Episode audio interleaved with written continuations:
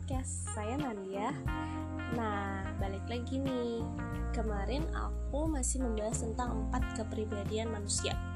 Nah, untuk episode kemarin aku masih tentang sanguins dan plekmatis. Nah, kali ini aku akan membahas tentang melankolis yang sering-sering mungkin temen ya maksudnya kalau misalnya nih ada teman lagi galau atau teman sensitif pasti dibilang anak ah, melankolis loh atau apalah. Nah aku akan membahas tentang melankolis sebenarnya. Iya kenapa melankolis itu sering disebut kayak baperan sensitif? Karena menurut aku melankolis itu lebih mendominasi tentang perasaannya daripada logika Nah, orang-orang dengan jenis kepribadian melankolis biasanya tipe orang yang mencintai keluarga dan teman-teman. Melankolis tuh tidak terlalu mencintai hal baru atau petualangan alias lebih suka tradisi. Jadi mungkin lebih monoton daripada sanguin sekali ya. Nah, jenis kepribadian melankolis cenderung menolak untuk bekerja di luar kota atau luar negeri. Nah, soal kehidupan sosial, jenis kepribadian melankolis adalah juaranya. Tipe orang ini dikenal sangat berusaha memberi kontribusi pada komunitas dan memiliki jiwa sosial yang tinggi. Biasanya orang-orang melankolis itu orang yang berkepemimpinan yang kuat. Mereka juga memiliki kepribadian yang baik serta sangat teliti dan akurat. Karir yang cocok untuk orang dengan jenis kepribadian ini adalah bidang sosial, antara lain pekerjaan sebagai manajemen, akuntansi, pekerjaan sosial, atau bagian administrasi.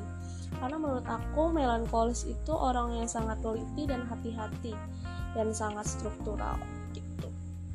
Jadi uh, kebanyakan uh, pemimpin kayak misalnya di osis-osis itu kebanyakan melankol mempunyai sisi melankolis gitu nah selanjutnya aku mau membahas tentang si koleris yang pemarah Jenis kepribadian ini biasanya menggambarkan seseorang yang berorientasi pada tujuan.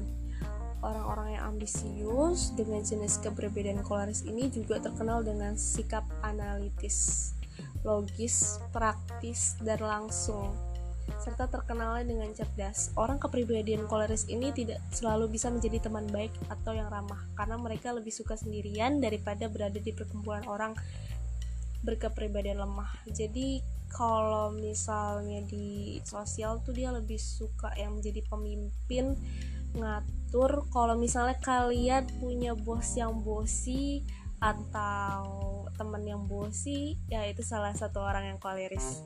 Nah orang dengan jenis kepribadian koleris idealnya suka menghabiskan waktu dengan orang-orang yang memiliki minat profesional yang sama dengannya. Jadi kayaknya dia uh, kalau kekurangan dia menurut aku kurang toleransi ya sih. Misalnya mm, minatnya berbeda ya nggak akan sefrekuensi sama dia nah beberapa pekerjaan yang cocok buat dia itu seperti teknologi statistik tek teknik atau programming. Tapi manfaatnya untuk menjadi koleris itu orang yang sangat ambisius. Jadi kalau misalnya dia punya suatu tujuan dia akan fokus sama tujuannya.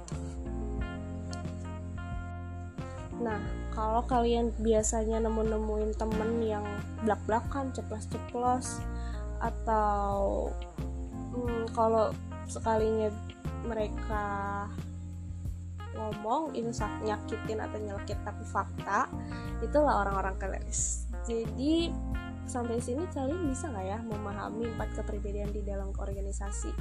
Karena menurut aku empat kepribadian ini tuh sangat penting. Entah koleris, flegmatis, sanguins, uh, bahkan atau melankolis itu sangat penting menurut aku. Karena uh, agar kita mengetahui uh, teman kita tuh gimana kita bisa menghadapi teman kita gimana. Karena um, karena suka ada kesalahan pah kesalahpahaman kalau misalnya kita uh, kurang memahami teman kita. Apalagi kalau misalnya kita punya masalah yang ada malah musuhan bertahun-tahun ya enggak sih? Nah itu pendapat aku sih tentang empat kepribadian manusia ini uh, terima kasih udah meluangkan waktu untuk mendengarkan podcast ini. Kunjungi terus ya Marshmallow Podcast. Bye